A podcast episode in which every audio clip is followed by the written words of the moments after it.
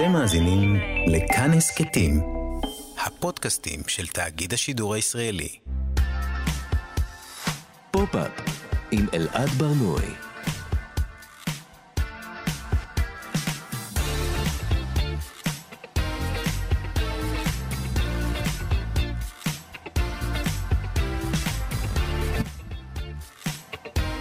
שלום, בוקר טוב, כאן תרבות, אתם על פופ-אפ. בכל שבוע אנחנו מדברים כאן על התרבות שמעניינת באמת, להיטי פופ טראשיים, להיטי היפ-הופ, תוכניות ריאליטי, סדרות בנטפליקס, טרנדים ויראליים, אנחנו לא מדלגים על כלום. אנחנו ב-105.3 ו-104.9 FM, ניתן להאזין לנו גם כהסכת ביישומון של כאן וביישומוני המוזיקה וההסכתים השונים. את השידור מפיקה תמר בנימין, טכנאי השידור אלון מקלר, טל וניג על עריכת הגנום התרבותי, אני אלעד ברנוי, בואו נתחיל.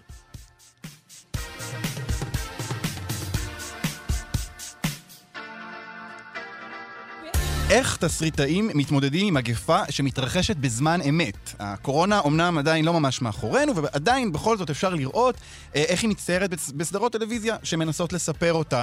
אה, אנחנו נבחן כמה מהסדרות האלה ונשאל איך זה הולך לשנות את האופן שבו אנחנו נספר סיפורים בעתיד.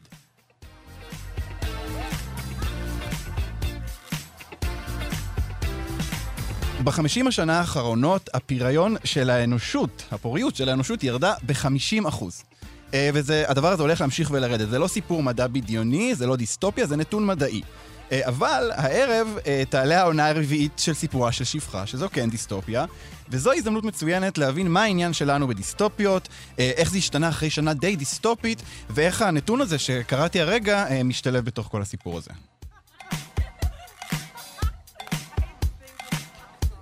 שוטרים בטלוויזיה ובקולנוע, למה אנחנו כל כך אוהבים לצפות בהם? Uh, בעקבות ההרשעה של השוטר דרק שובין ברצח ג'ורג' פלויד, uh, השבוע אנחנו נרד לשורשי מערכת היחסים של הוליווד עם דמות השוטר. Uh, ננסה להבין איך זה שהשוטרים שאנחנו רואים במופעים בתרבות כל כך שונים מאלה שאנחנו פוגשים בכותרות העיתונים.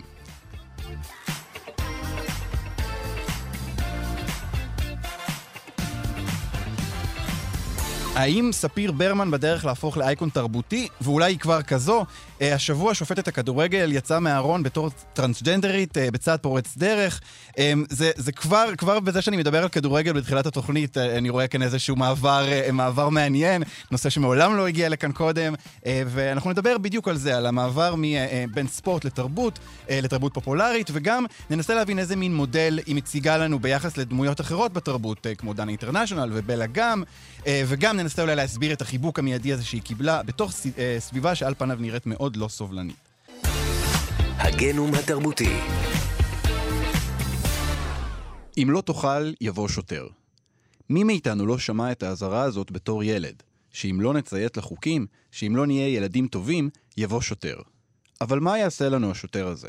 ינזוף בנו? יכריח אותנו לאכול? יעצור אותנו? ואולי משהו אחר. היום בגנום התרבותי אנחנו הולכים לדבר על המשטרה. לא, לא המשטרה הזאת. המשטרה הזאת.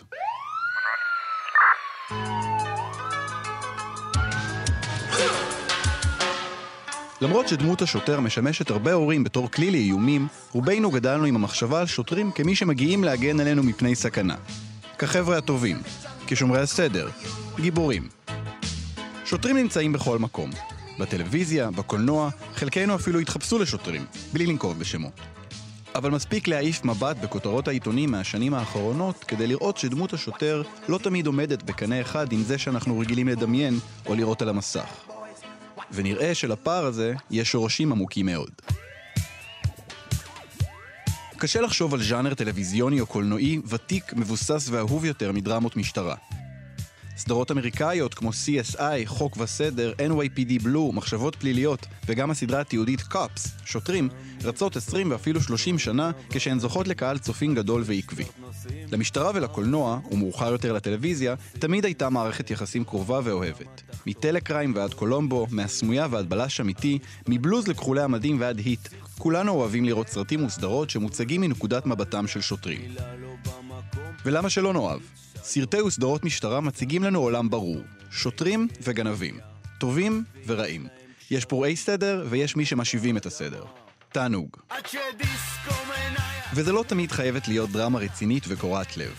נשק קטלני, האקדמיה לשוטרים, שעת שיא, השוטר מבברלי אילס וברוקלין 99, שהציגו את תחנת המשטרה בתור מגרש משחקים מסוכן אך משעשע, זכו ועדיין זוכות לפופולריות עצומה. קומדיות משטרה הן אולי תת-הז'אנר הוותיק ביותר, שמתחיל כבר בשנות העשרה של המאה הקודמת, עם סרטים אילמים שמציגים את השוטרים בתור ליצנים מגוחכים וחמורי סבר. אבל מערכת היחסים של המשטרה עם המסך לא החלה במקרה. ב-1954 העביר הקונגרס האמריקאי חוק שקובע שכל ייצוג של ה-FBI בקולנוע חייב לעבור את אישורו של ג'יי אדגר הובר, מי שהיה אז ראש ה-FBI. לאורך כל שנות ה-50 וה-60 של המאה הקודמת, הובר דאג שהבולשת תוצג באור חיובי, ואפילו ארגן לעצמו הופעת אורח על המסך בתור עצמו בסרט The FBI Story מ-1959. I am your new director. I did not ask for the position, but now that I have it, I intend to give it the best I have. מה שמעניין הוא שגם אחרי שהחוק בוטל, מפיקי טלוויזיה וקולנוע שרצו לקבל גישה קלה למידע, לאתרי צילום, לציוד משטרתי ואפילו לניצבים, עירבו צוותי משטרה בהפקות שלהם, ותמורת שיתוף הפעולה הם דאגו להציג אותם טוב. וכך המשטרה וה-FBI זכו לשירות יחסי ציבור מפנק ולא ביקורתי מצד תסריטאים ובמאים שסמכו על הצד שלהם בעסקה הזאת. לאורך השנים ניתן לזהות שני מודלים מרכזיים של שוטרים בתרבות. ישנו השוטר הטוב, הגיבור, שיעשה כל שביכולתו כדי להציל את היום ולעצור את הרעים. הדוגמה המובהקת ביותר לשוטר הגיבור היא כמובן דמותו של ג'ון מקליין מסדרת סרטי מת לחיות.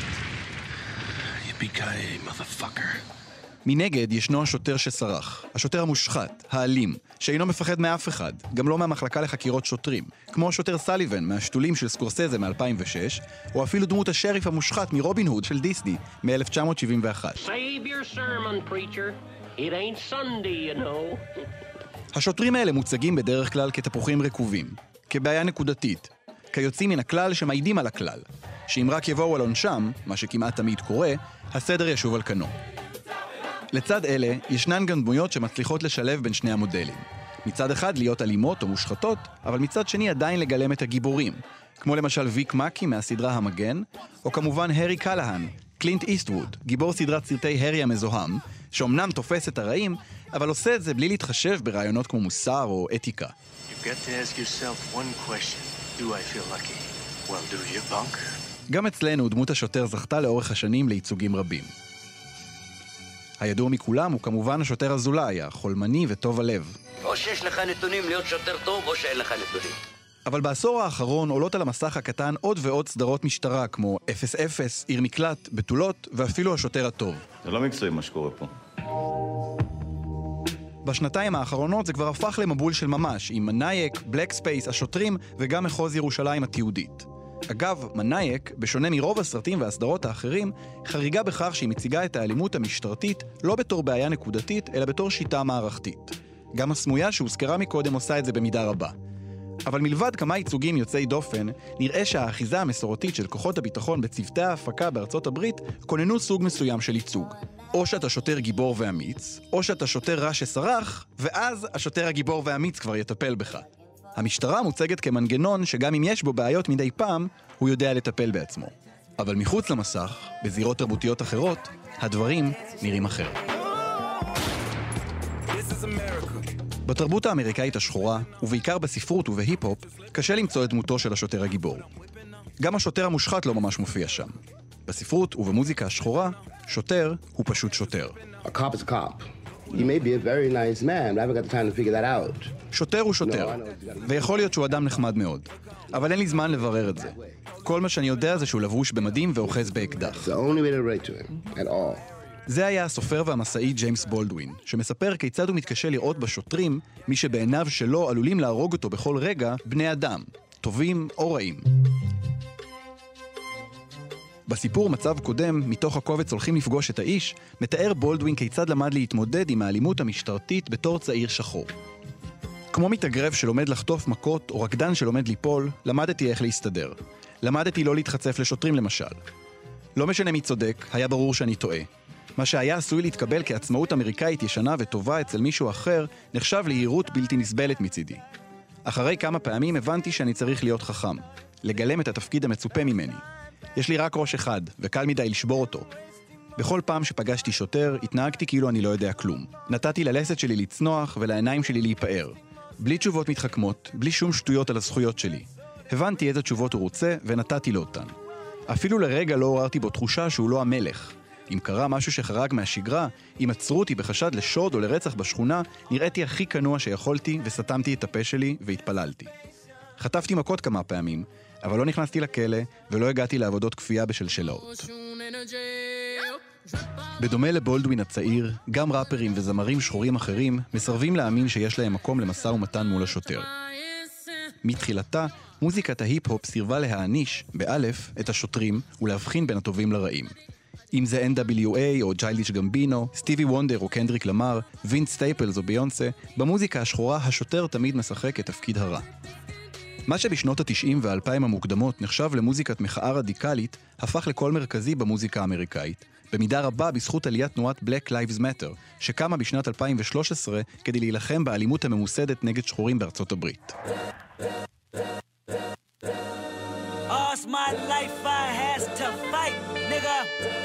בשנים האחרונות יותר ויותר מקרים של אלימות משטרתית מגיעים לכותרות. בארצות הברית זה קורה באופן כמעט יומיומי, כשאלינו מגיעים בעיקר המקרים שמסתיימים במוות, כמו זה של מייקל בראון, בריאנה טיילור ודנטה רייט.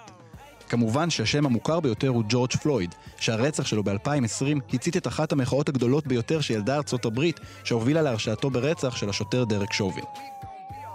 השיח האמריקאי הביקורתי נגד אלימות משטרתית הגיע גם אלינו, והצליח להצית מחאה לאחר מותו של סלומון טקה ב-2019 ומותו של יד אל-חלאק ב-2020. הכניסה של השיח הביקורתי הזה למיינסטרים הביאה לדרישה לסוג אחר של ייצוגים, וכך למשל הובילה לביטול הסדרה שוטרים לאחר 32 עונות. אבל למרות הניסיון שנעשה בשנים האחרונות להביא סיפורים אחרים למסך, גם סרטים זוכי פרסים, כמו שלושה שלטים מחוץ לאבינג מיזורי מ-2017 ושחור על לבן מ-2018, שמתהדרים מנקודת מבט פוליטית וביקורתית, נפלו לאותם דימויים ישנים, של שוטר טוב ושוטר רע. גם הסדרה הפופולרית ברוקלין 99 התייחסה לנושא האלימות המשטרתית, אבל עשתה זאת בפרק ספיישל, שבו שוב אנו נתקלים בשוטר אחד גזען ולא בבעיה מערכתית. הקולנוע והטלוויזיה ממשיכים להציג לנו שני סוגים של שוטרים, שאולי מייצגים שני סוגים של אזרחים. אלה שהמשטרה נוסכת בהם ביטחון, ואלה שמפחדים ממנה, כשאי אפשר להתעלם מהתפקיד שמשחק כאן צבע העור. אבל בעוד שקל לנו להאמין לעולם הברור והקלישאתי של טובים ורעים שהם מוכרים לנו, המציאות מציגה לנו משהו שונה ומורכב הרבה יותר. אם יוצרי הטלוויזיה והקולנוע יצליחו להשתחרר מהנאמנות ההיסטורית שלהם לכוחות הביטחון, וגם יכניסו עליהם יותר קולות אפרו-אמריקאים ביקורתיים, כמו אלה שנשמעים בספרות ובמוזיקה, נוכל לראות ייצוגים של משטרה שחותרים תחת המודלים הבינאריים והשחוקים האלה, ומתמודדים עם הבעיות המערכתיות שלה. מעבר לשינוי שהדבר יכול לעורר במציאות, שינוי שעשוי להציל חיי אדם, אולי גם נרוויח על הדרך טלוויזיה טובה יותר. פופ-אפ עם אלעד ברנועי הרבה שואלים איך הקורונה תיראה בזיכרון התרבותי שלנו, אבל האמת היא שהזיכרון הזה כבר התחיל להיכתב די מזמן, לפני כמעט שנה למעשה.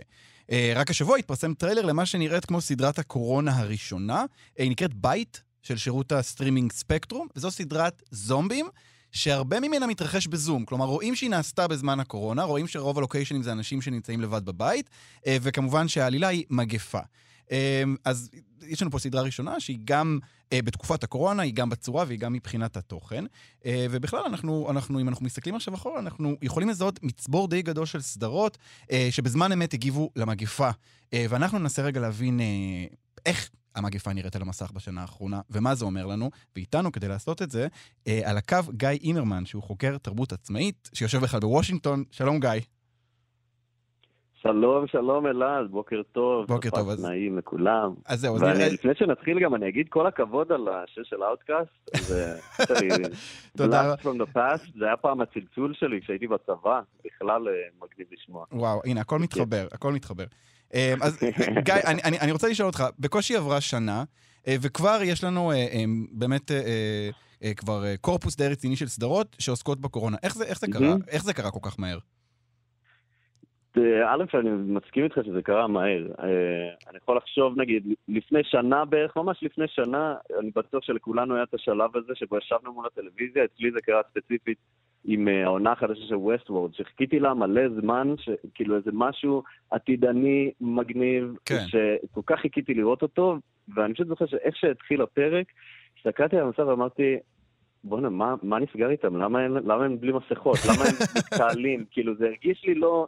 זה הרגיש לי לא הגיוני, ואני בטוח שעוד מלא אנשים ישבו בבית ואמרו בדיוק את אותו דבר, ובאותו רגע כאילו הבנתי, אוקיי, אני, אני לא רוצה לראות את הדבר הזה כרגע, כי, כי אני זה לא, זה לא מקבל, מתחבר לחיים אני שלי. לא מקבל את מה שאני מצפה. כן, כן. כן, אנחנו, אה, אנחנו רגילים לראות את הדברים האלה ולראות איזושהי רפלקציה של מה שאנחנו חווים, ואני מסתכל ואומר, לא, זה ממש לא תואם את מה שאני חווה כרגע. אז, אז עכשיו בעצם, אה, אה, אוקיי, אז אנחנו עכשיו מסתכלים אחורה, אה, נגיד הקורונה, אנחנו מדברים על פחות או יותר מרץ, כשהדברים התחילו להשתגע, שנה עברה.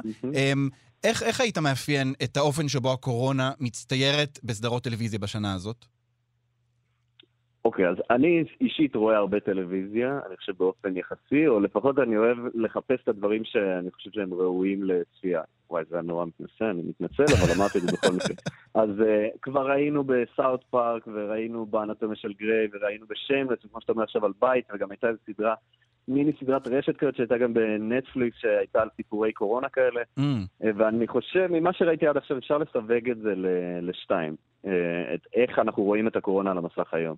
קודם כל, אנחנו יכולים לראות איפה הקורונה נכנסת כחלק מרכזי בעלילה, אם לא אפילו המאורע המחולל, שאנחנו יכולים לראות את זה, כמו שאמרנו, בסאוט פארק, שבו עושים ספיישל שלם, ש, שבעצם העיסוק, או מה שמוביל את העלילה זה זה שיש מגפה, יש קורונה. כן. או אם ראינו באנטומיה של גריי, שלמרדיט יש קורונה. נכון, כאילו, נכון. מה יכול להיות יותר להראות את הקורונה כאן ועכשיו? ויש, הייתי אומר, את הצד השני, שזה בעצם להכניס את הקורונה כאיזשהו איזשהו פקטור שקורה, שהוא לא מניע את העלילה בהכרח, והקורונה לא, לא עליה אנחנו מתעסקים, ואנשים לא חולים, ואנחנו לא, לא רואים בדיקות, אלא אנחנו פשוט רואים אנשים פתאום עושים דיאלוגים עם מסכות על הפנים. Mm. שזה, אפשר להתעכב, ראוי להתעכב על זה רגע, כאילו לחשוב על זה שמישהו ישב בחדר כתיבה, ההפקה או, או מישהו בנטוורק איפשהו, ואמרו, אוקיי, אנחנו הולכים לצלם את העונה החדשה כי בעולם שבו יש קורונה.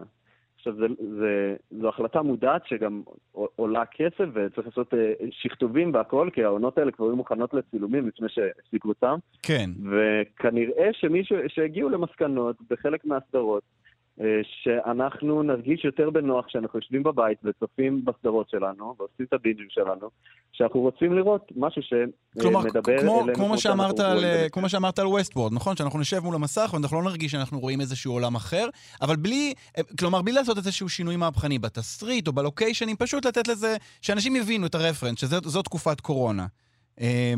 כן, אז, אבל חשוב גם, חשוב גם להגיד שזה בגלל שאנחנו, אתה יודע, אנחנו כל שנה שעוברת הטכנולוגיה והדרך שבה אנחנו צורכים תוכן, רק הולך ומתקדם ונהיה יותר מהיר ויותר אינסטנט, אז כאילו היום יש לנו את הציפייה הזאת, בכלל עצם זה שאנחנו יכולים לצפות שבעונה הבאה כבר אה, כולם יהיו בעולם שבו יש קורונה, אה, כי ככה אני אוהב את הדמויות שלי, כן. זה מה שלא היה אפשרי פעם. כאילו לא הייתה עוד מגפה שככה קיבלה. אני מצטער מגיע ל... למושג הזה, אבל זו מגפה עם יחסי ציבור מאוד מאוד טובים, כי הנה עובדה, היא מונצחת בכל התרבות ובכל ה... וזו, וזו גם באמת מגפה שהגיעה בתקופה שבה הכל אה, מתוקשר והכל קורה בזמן אמת ובלייב, וכל הזמן כולם מחוברים אחד לשני. אבל בואו נדבר רגע על הסוג השני, על, על, על, על הסדרות שבזמן אמת מתכללות את זה, שמצליחות ב, ב, ב, באמת, בזמן שהמגפה קורית בעולם, להחדיר מגפה, מגפה לעלילה. אה, אז הזכרת באמת את סאוט פארק, האנטומיה של גריי, אה, גם את בלקיש, צריך להזכיר, אה, גם שם האימא בסדרה בשחור כזה היא רופאה, וגם שם בית החולים מתמודד עם המגפה. תחנת 19, הרבה סדרות שקשורות לאנשי הסיוע והטיפול. איך, איך הדבר הזה, לדעתך, נגיד, יכול אולי להשפיע על, על, ה, על התקופה הקרובה, על, ה, על ה, נגיד, על איך, איך מדמיינים את הסדרות של השנים הקרובות, או איך הסדרות של השנים הקרובות מדמיינות את העתיד? יפה מאוד. זו שאלה טובה מאוד, אני שמח ששאלת. בגלל שבתכלס, אה, מה שמיוחד בקורונה זה שמעבר, אתה יודע, לאיזה issue אה, בריאותי, אה, הקורונה כאילו, אם אתה מסתכל עליה על הנייר, זה science fiction, זה מדע בדיוני. אה, אנחנו רגילים לראות סרטים וסדרות שמתעסקים ב... במציאות מדומיינת, במדע בדיוני, אה, ולא לא להשקיע יותר מדי זמן באמינות שלהם. אה, אבל אז, אם עכשיו אנחנו נפתח רגע טלוויזיה ונשים איזה סרט אה, על ההתפרצות, או איזושהי סדרה שבה העלילה של, של העונה על איזשהו וירוס שמתפרץ, אנחנו כולנו כנראה נשב בבית ונצחק על, ה, על המסך, mm. וכאילו נצחק על הדמויות, בגלל שאנחנו יודעים כבר איך זה קורה באמת. שזה לא נראה מגפות ככה. מגפות מעכשיו לא יוכלו להיות מוצגות לנו בתור מדע בדיוני, כי זה כבר קרה בעידן שלנו, שאנחנו חיינו אותו. אז מה, אז, אז, אז מה למשל אה... יהיה, יהיה שונה? איזה הבדלים יהיו ממה שאנחנו רגילים? אז קודם כל, לדעתי, לא, אה, לא יצחקו, לא, לא יעמידו בפן אה, קומי כל כך את, את, ה, את, את ההשלכות של הקורונה, לדעתי. אני חושב שאנחנו כן נראה יותר, אה, יותר דוגמאות ויותר מקרים שבהם אה, אנחנו פשוט נתחיל לראות דברים שאנחנו רואים בעולם שלנו, אם זה בדיקות, אם זה מסכות, אה, אם זה טרמינולוגיה של אה, קורונה. אם, אולי גם, גם, גם סגר אולי, נכון? אלה דברים שאנחנו לא רואים בסדרות על, על, על וירוס, או בסרטים על וירוסים, אנחנו רואים תמיד אנשים רצים ברחוב וצורכים. בכלליות, אני לא חושב שעד ש... אתה צודק, ואני גם חושב שבגדול, עד שלא אנחנו חווינו בעצמנו סגר, לא באמת לא באמת הכרנו את המושג הזה ואת הדבר הזה. כן. וכשאנחנו רואים עכשיו, אתה רואה אה, המתים המהלכים, או את כל הסרטים אה, שיש בהם איזושהי התפרצות, כולם רצים ברחוב, וכאילו כולם רודפים והולכים לאנשהו וזה, ואיכשהו נתקלים במלא אנשים, ואני אומר לעצמי, אוקיי, היום אני יודע שזה, שזה בדיוק מה שלא קורה כשיש סגר. מה קורה, כש, כאילו, מה קורה כשיש מגפה? כולם יושבים בבית, כן. רואים טלוויזיה. אז יכול להיות, אז, אז, אז כאילו אולי... השפה התרבותית של האופן שבו אה, אה, מגפות ווירוסים מיוצגים, אה, היא תתאים את עצמה לאופן שבו אנחנו רואים אותה היום. כלומר, אנשים ידעו, אם אני עכשיו רואה סדרה שבה יש מגפה וכולם מתחרפנים ברחוב, אז אני יודע ש, ש, שזה, די, זה, זה לא הגיוני, זה לא, זה לא רציני, זה לא מחובר למציאות. נכון, זה לא מחובר למציאות, וזה כנראה יהיה תוכן שאנחנו כבר, שכבר יפסיקו, לדעתי, כן, איך שאני רואה את העולם, רוב הסיכויים שאנחנו לא נראה הרבה מדע בדיוני שמתעסק ב, אה, במגפות, כי הייתה לנו כבר אחת, כן, וכנראה שאנחנו כן. נתחיל לראות אה, דברים שהם יותר מבוססים על על הקורונה כחלק מהמציאות כן. שאנחנו חיים בה. גיא, גיא, שוב, אתה, אתה חושב, יש, יש עוד אירועים, אנחנו עוד, אנחנו כבר מסמנים, אנחנו עוד רגע צריכים לסיים, אבל אתה יכול לחשוב על עוד אירועים תרבותיים, אה, אה, נגיד בתרבות האמריקאית, ששינו ככה, בצורה כל כך דרסטית, את השפה הוויזואלית, את האופן שבו אה, נאלצים אה, מספרי סיפורים להתאים את עצמם? אה, האמת שכן, ובגלל שגם רוב התוכן שאנחנו צורכים מגיע מארצות הברית, אז זה לא מפתיע שזה סיפור מאוד אמריקאי, אבל uh, אסון התאומים, 9-11. Mm. Uh, אם פעם היה ממש לגיטימי לעשות סצנה שבה מחבל קם, איזה טרוריסט קם ועם מזלג או משהו מאיים על דיילת במטוס, וכאילו גורם לה לפתוח את הקוקפיט, וכאילו נכנס שם זה נראה לנו מגוחך היום, כי אנחנו, אנחנו יודעים שלא ככה עובד העולם יותר. אנחנו גם יודעים שאם אנחנו, אם יש איזושהי שפה ויזואלית או שפה קולנועית שמאותתת לנו שיש מטוס ליד אה, מגדל, אנחנו יודעים מה הולך לקרות. כן, למה? כי הדבר כן. הזה כבר קרה במציאות. כן. אה, ואני חושב שזו דוגמה מעולה, בגלל שלהבדיל מהקורונה, אה, אסון התאומים לקח כמה שנים עד שמישהו עד שהיה בסדר, אתה יודע, לחטט בפצע הזה. נכון, נכון, כן. והקורונה, אני חושב בגלל שהרבה מאיתנו חווים אותה באופן מאוד שונה, היה יותר קל לבוא ולהגיד, אוקיי, עכשיו אנחנו כבר רוצים להיכנס לזה, למרות כן. שאנחנו עדיין נמצאים בתוך. כן, בתוך. כן, כן, וגם באמת, אה, שוב, אנחנו נמצאים בתקופה שבה אנחנו מייצגים כל הזמן, אנחנו מתעדים את עצמנו כל הזמן, אה, ומספרים את הסיפור של עצמנו בזמן אמת. אה, טוב, אז אנחנו נחכה לראות איזה עוד סדרות מצפות לנו. הסדרה שהזכרתי בהתחלה נקראת Bite, היא אמורה לעלות ב-21 במאי, בשירות הסטרימינג ספקטרום, אז נחכה לראות מה יש שם. גיא אימרמן, תודה רבה לך. תודה רבה לך, שיהיה סופש מהמם לכולם. להתראות. פופ-אפ עם אלעד ברנועי. בתחילת התוכנית אני אמרתי משהו ואני הולך לחזור עליו שוב. בחצי מאה האחרונה, הפוריות של המין האנושי יורדת בכל שנה באחוז, באחוז אחד. נגיד את זה שוב, 50 שנה, שבהן בכל שנה הפוריות יורדת באחוז, מה שאומר שהפוריות של המין האנושי ירדה ב-50 אחוז. אני לא טוב בחשבון, אבל זה החישוב שעשיתי. זו, זו הכרזה אה, שהכריזה האפידמיולוגית הסביבתית, אמרתי את זה נכון, דוקטור שנה סואן, בפודקאסט של ג'ו רוגן, The Joe uh, Rogan Experience, uh, פודקאסט כנראה uh, המואזן ביותר בעולם. האזנתי לזה אתמול ופשוט לא האמנתי, uh, uh, אמרתי לעצמי שזה נשמע כמו משהו שאמורים לצעוק אותו בכל uh, כותרות העיתונים. ולגמרי במקרה, או שלא ממש, היום עולה בארצות הברית, אה, ואצלנו מחר בהוט, העונה הרביעית של סיפורה של שפחה. אה, הסדרה, שהיא מבוססת על רומן של מרגרט אטווד מ-1985, מתארת עתיד דיסטופי קרוב, שבו בעקבות בעיית פריון עולמי, אמריקה עברה הפיכה בידי כת נוצרית, אה, ומשליטה משטר דיקטטורי שמבוסס על ערכים תנכיים, בעיקר דיכוי נשים. אני, הדימוי הזה של, אה, של השפחה מהסדרה הזאת הוא די מוכר לנו עם, ה, עם הכיסוי אה, אה, אה, עיניים הלבן הזה, אה, והסדרה כבר מזמן התנתקה מעלילת הספר, והיא באמת מתמקדת בסיפור של המאבק של שחרור גלעד. אה, עכשיו, אנחנו נמצאים בתקופה שבה דיסטופיה זה כבר לא בדיוק מדע בדיוני. עברנו שנה שאפשר להגיד שהיא הייתה מין שנה די דיסטופית. ואנחנו רוצים עכשיו לשאול איך הולכת להיראות הדיסטופיה מתוך העיניים של מי שכבר עברו סוג של דיסטופיה. ואנחנו נעשה את זה בעזרת נועה מנהיים, אה, שהיא העורכת אה, ספרותית ומחברת הרשת החברתית, ואיתנו על הקו. שלום נועה. שלום. נועה, את מזדעזעת כמוני מהנתון הזה? אה, אני מזדעזעת כמוך, בעודנו מזדעזעים, מלטוס אה, מחכך את ידיו בקברו ואומר איזה יופי, נהדר, טוב מאוד. אה, כן, טוב, מצ- מ- מישהו, מישהו צריך לפחות ליהנות. אה, מישהו צריך לשמוח על הדבר. הזה. אז בעצם, כן, יכול להיות שזה יהיה מה שיציל אותנו. מה זאת אומרת? בואי תסבירי. אה, זאת אומרת שכמו שאומר אה, אייג'נט סמית לניאו במטריקס, וסליחה שאני חושפת פה את גילי, אה, האדם הוא וירוס אה, מסוכן יותר מהקורונה. אומרת, הוא לא מזכיר את הקורונה. כן. אבל אם הוא כן. היה יכול, הוא היה מזכיר. כן. אה, זאת אומרת, אנחנו אה, החיה המסוכנת ביותר על פני כדור הארץ, לעצמנו ולכדור הארץ. אז אם יהיה פחות מאיתנו, אה, זה לאו דווקא רע. אה, השאלה איך אנחנו מגיבים לנתון הזה היא כמובן המעניינת אותנו בנקודת אה, בנקודת זמן זו בשיחה. כן, אני צריך להגיד שכשקבענו את, השיחה הזאת, אז אני בכלל לא ידעתי את הנתון המטורף הזה, וזה זה, זה קצת טרף לי את כל, ה, את כל השאלות. אבל, אבל אני, כן, אני, כן רוצה לשאול אותך, אה, אולי נלך טיפה אחורה, על, באופן כללי, על מה דיסטופיה עושה לנו, אה, אה, דיסטופיה, איך שהיא מוצגת אה, אה, לא רק בספרות, אלא בכלל בתרבות הפופולרית. מה, מה בעצם התפקיד של דיסטופיה? היא אמורה להבהיל אותנו? היא אמורה לספק לנו בריחה? מה, בשביל מה יש לנו דיסטופיה? אז אני אעשה ברשותך רגע הפרדה קלה, כי אני חושבת שזה רלוונטי אה, ל- ל- ל- לבסס את המושגים האלה. יש את הדיסטופיה שבטהרתה היא בעצם היפוכה של האוטופיה, זאת אומרת, או הפן השני של האוטופיה, כן? האוטופיה של האחד היא פעמים רבות הדיסטופיה של האחר. כן.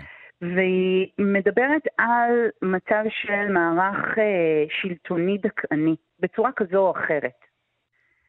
ולצידה, ופעמים רבות היא, היא מתעוררת או נוצרת בעקבות הפוסט-אפוקליפסה, או האפוקליפסה. זאת אומרת, הדיסטופיה מתרחשת הרבה מאוד פעמים בעולם פוסט-אפוקליפטי. כן. זה ככה ב-1984, שיש שם כל הזמן מלחמה המתמדת הזו נכון. שהם uh, מתמודדים איתה. בסיפורה של שפחה, הש- הרפובליקה של גלעד עולה לשלטון בעקבות באמת איזושהי uh, קטסטרופה. Uh, בסדרה uh, ובספר זה לא אותה קטסטרופה, באחת מהן היא אקלימית ובאחרת היא uh, גרעינית. כן. אה, גם בעולם חדש מופלא יש לנו ברקע את מלחמת אה, שמונת הימים לדעתי, מלחמה ביולוגית.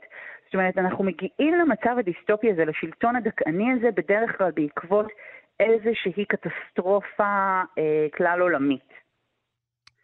אה, שזה, שזה, שאפשר להגיד שזה במידה רבה העולם ש... ש...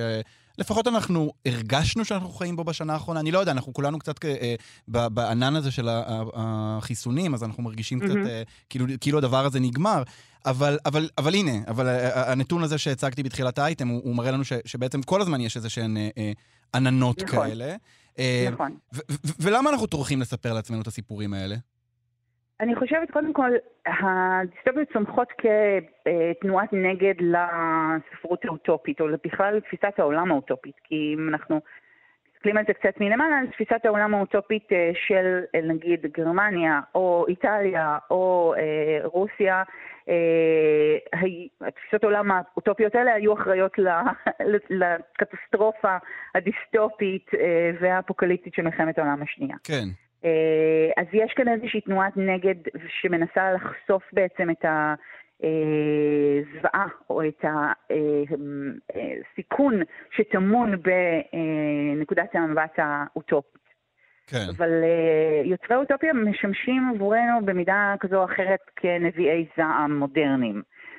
הטיפוסים המזוקנים והמרוטים למראה האלה ששורצים להם ליד שער העיר ופולטים נבואות על העתיד הנורא והיום שממתין לנו אם לא נחזור בתשובה. Mm.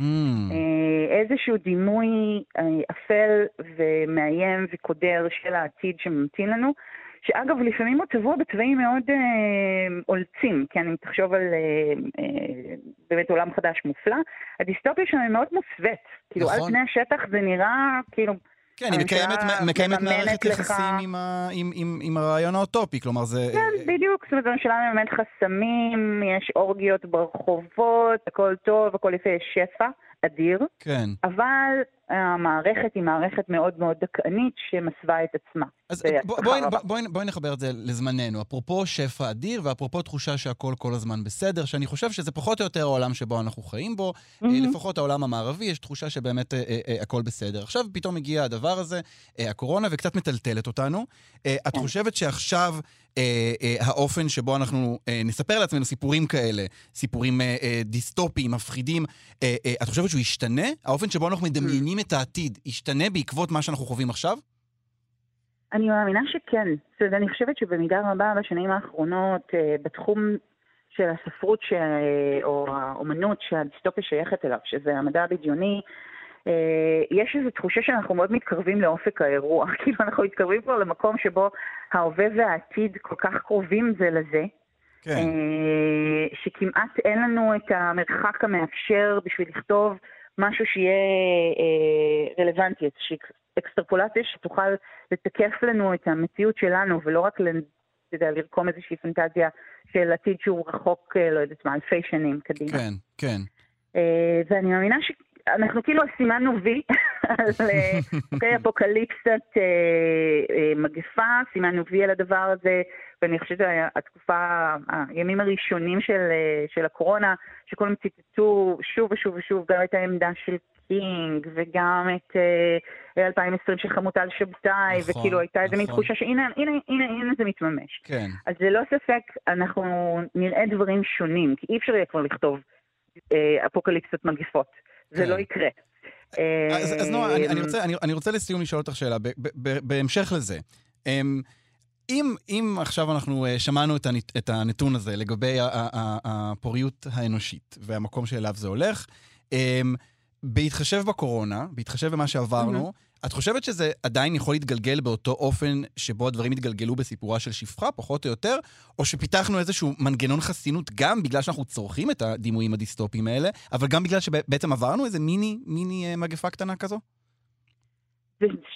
קודם כל, הניסוח כאילו שלך אה, מפוצץ לי את המוח, במובן הזה של להסתכל על זה אה, כעל חיסון.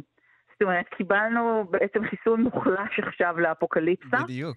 אה, ואולי אנחנו נהיה עמידים לאפוקליפסה בעתיד, וואי, הלוואי ואתה צודק, אני לא, לצערי, חוששת שלא. אוקיי. אה, ראינו את ההסתערות על הקפיטול, זאת אומרת, ראינו את, ה, את הכוחות הפונדמנטליסטיים אה, והדתיים הללו והקונספירטיביים מאוד האלה, מרימים ראש בשנה האחרונה באופן באמת מדהים. אז אני חושבת שבכל מקום שבו אנחנו נסמכים על טכנולוגיה והטכנולוגיה כושלת, אז אם היא תיכשל גם במ- במקרה הזה להתמודד עם ירידה בפוריות האנושית, אה, אנחנו חוזרים אחורה, אנחנו תמיד אה, יש איזו רגרסיה. כן. אה, אז אני לא בטוחה שאנחנו לחלוטין מחוסנים מפני האפשרות הזו של העתיד. אה, אבל אנחנו יכולים להיות בטוחים שהוא לא יתממש בדיוק כך. זאת אומרת, אלא אם כן מישהו הולך לקחת את הספר אה, של כן. אתות ולהגיד, זה How to manual. בדיוק, כאילו, להפך, להפך, איך להשתלט על העולם. בדיוק, אולי עכשיו דווקא להפך, מה שיקרה, זה שאנחנו נדע בדיוק להתחמק מהמקומות האלה, ולא אבל נשים אנחנו לב... ניפול למקומות אחרים. כן. בדיוק, לאיזה עלילת, לעלילת אה, משנה שתעקוף אותנו מאחורה. טוב, אז בנימה המרימה הזו והמשמחת, אני... תמיד, תמיד שמחה להרים. אז נועה, אני אגיד לך תודה רבה, ואני גם רוצה להגיד לכולכם, תאזינו ל-The Joe Rogan Experience, זה באמת באמת אה, אה, חשוב ומעניין. אה, נועה, שוב, תודה רבה לך. תודה. להתראות. ביי. פופ-אפ עם אלעד בר-נוי.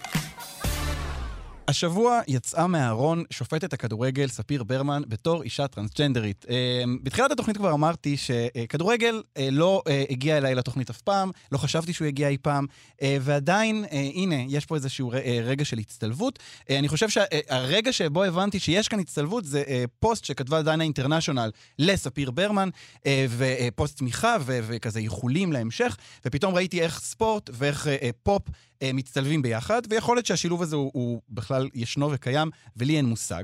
ועכשיו אנחנו הולכים לנהל שיחה לגבי כל הסיפור הזה של ספיר ברמן כאייקון תרבותי, אייקון להט"בי וספורט בתרבות הפופולרית, ואנחנו נעשה את זה עם שני אנשים. הראשונה היא תמר בן דוד, שהיא פעילה פמיניסטית, קווירית וכתבת בשיחה מקומית. שלום תמר. היי. יופי, אז זה עובד, יופי. אה, ש... והשני זה רן שמעוני, שהוא אה, סגן עורך מדור הספורט בעיתון הארץ. שלום רן. היי, אלעד, מה קורה? בסדר גמור, יופי. הצלחנו לעשות את השיחה המשולשת הזאת, אה, ואנחנו אה, אה, נתחיל. אז אני רוצה קודם כל, תמר, אני רוצה לשאול אותך, איזה דמויות, איזה דמויות של נשים טרנסיות יש לנו בתרבות הישראלית? דמויות שאנחנו יכולים לזהות ולהכיר. אז הזכרת את דנה אינטרנשיונל, אני חושבת שכמופע תרבותי ראשון בתרבות הישראלית, היא בעצם, אפשר לסמן אותה כהטרנסית הראשונה שזוכה לבמה הזאת. אה, וחשוב להגיד שהיא באמת זוכה לבמה הכי גדולה בעולם, היא זוכה באירוויזיון. כן. אה, ומייצרת איזשהו הלם תרבותי מאוד גדול. אה, אחריה אנחנו יכולות אולי למקם את בלה גם ואת רומי אברג'יל. אין ככה עוד שתי דמויות של נשים טרנסיות, ונדגיש שאני מדברת כאן על נשים טרנסיות, יש אולי עוד ייצוגים פה ושם של גברים טרנסים ואולי אפילו אחרים, אבל אה, כשזה מגיע לנשים טרנסיות, אני חושבת שבלה גם ורומי אברג'יל הן אולי שתי דמויות שככה ממשיכות uh, את הקו הזה ומפתחות אותו הלאה, את כן. דנה אינטרנשיונל. אז אם אנחנו, אם נשרטט רגע קו, נגיד, מדנה, אה, אה, דרך אה, רומי אברג'יל ובלה אה, גם ועד ספיר ברמן, מה, מה אנחנו רואים כאן, מה, מה ההבדלים בין, בין כל אחד משלושת הייצוגים כן. האלה? זהו, אז, אז באמת אה, אני חושבת שכמו שאמרתי, דנה היא באמת אה, פרצה על במה. הייצוג הזה שלה אה, הוא מאוד כדמות.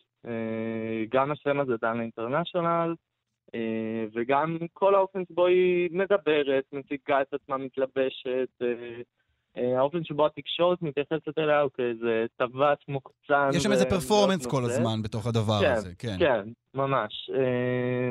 שזו הייתה התקדמות מאוד מאוד משמעותית ביחס לנגיד אה, אה, בדיחות ומערכונים על דברים שמחופשים לאנשים, אבל, אה, אבל בוא נגיד זה, התקדמנו מאז. כן. אלא גם ורומי אברג'יל, שהופיעו בריאליטי, הופיעו בצורה אינטימית יותר, בצורה שהם הופיעו כציפורים אנושיים ומלאים יותר, mm.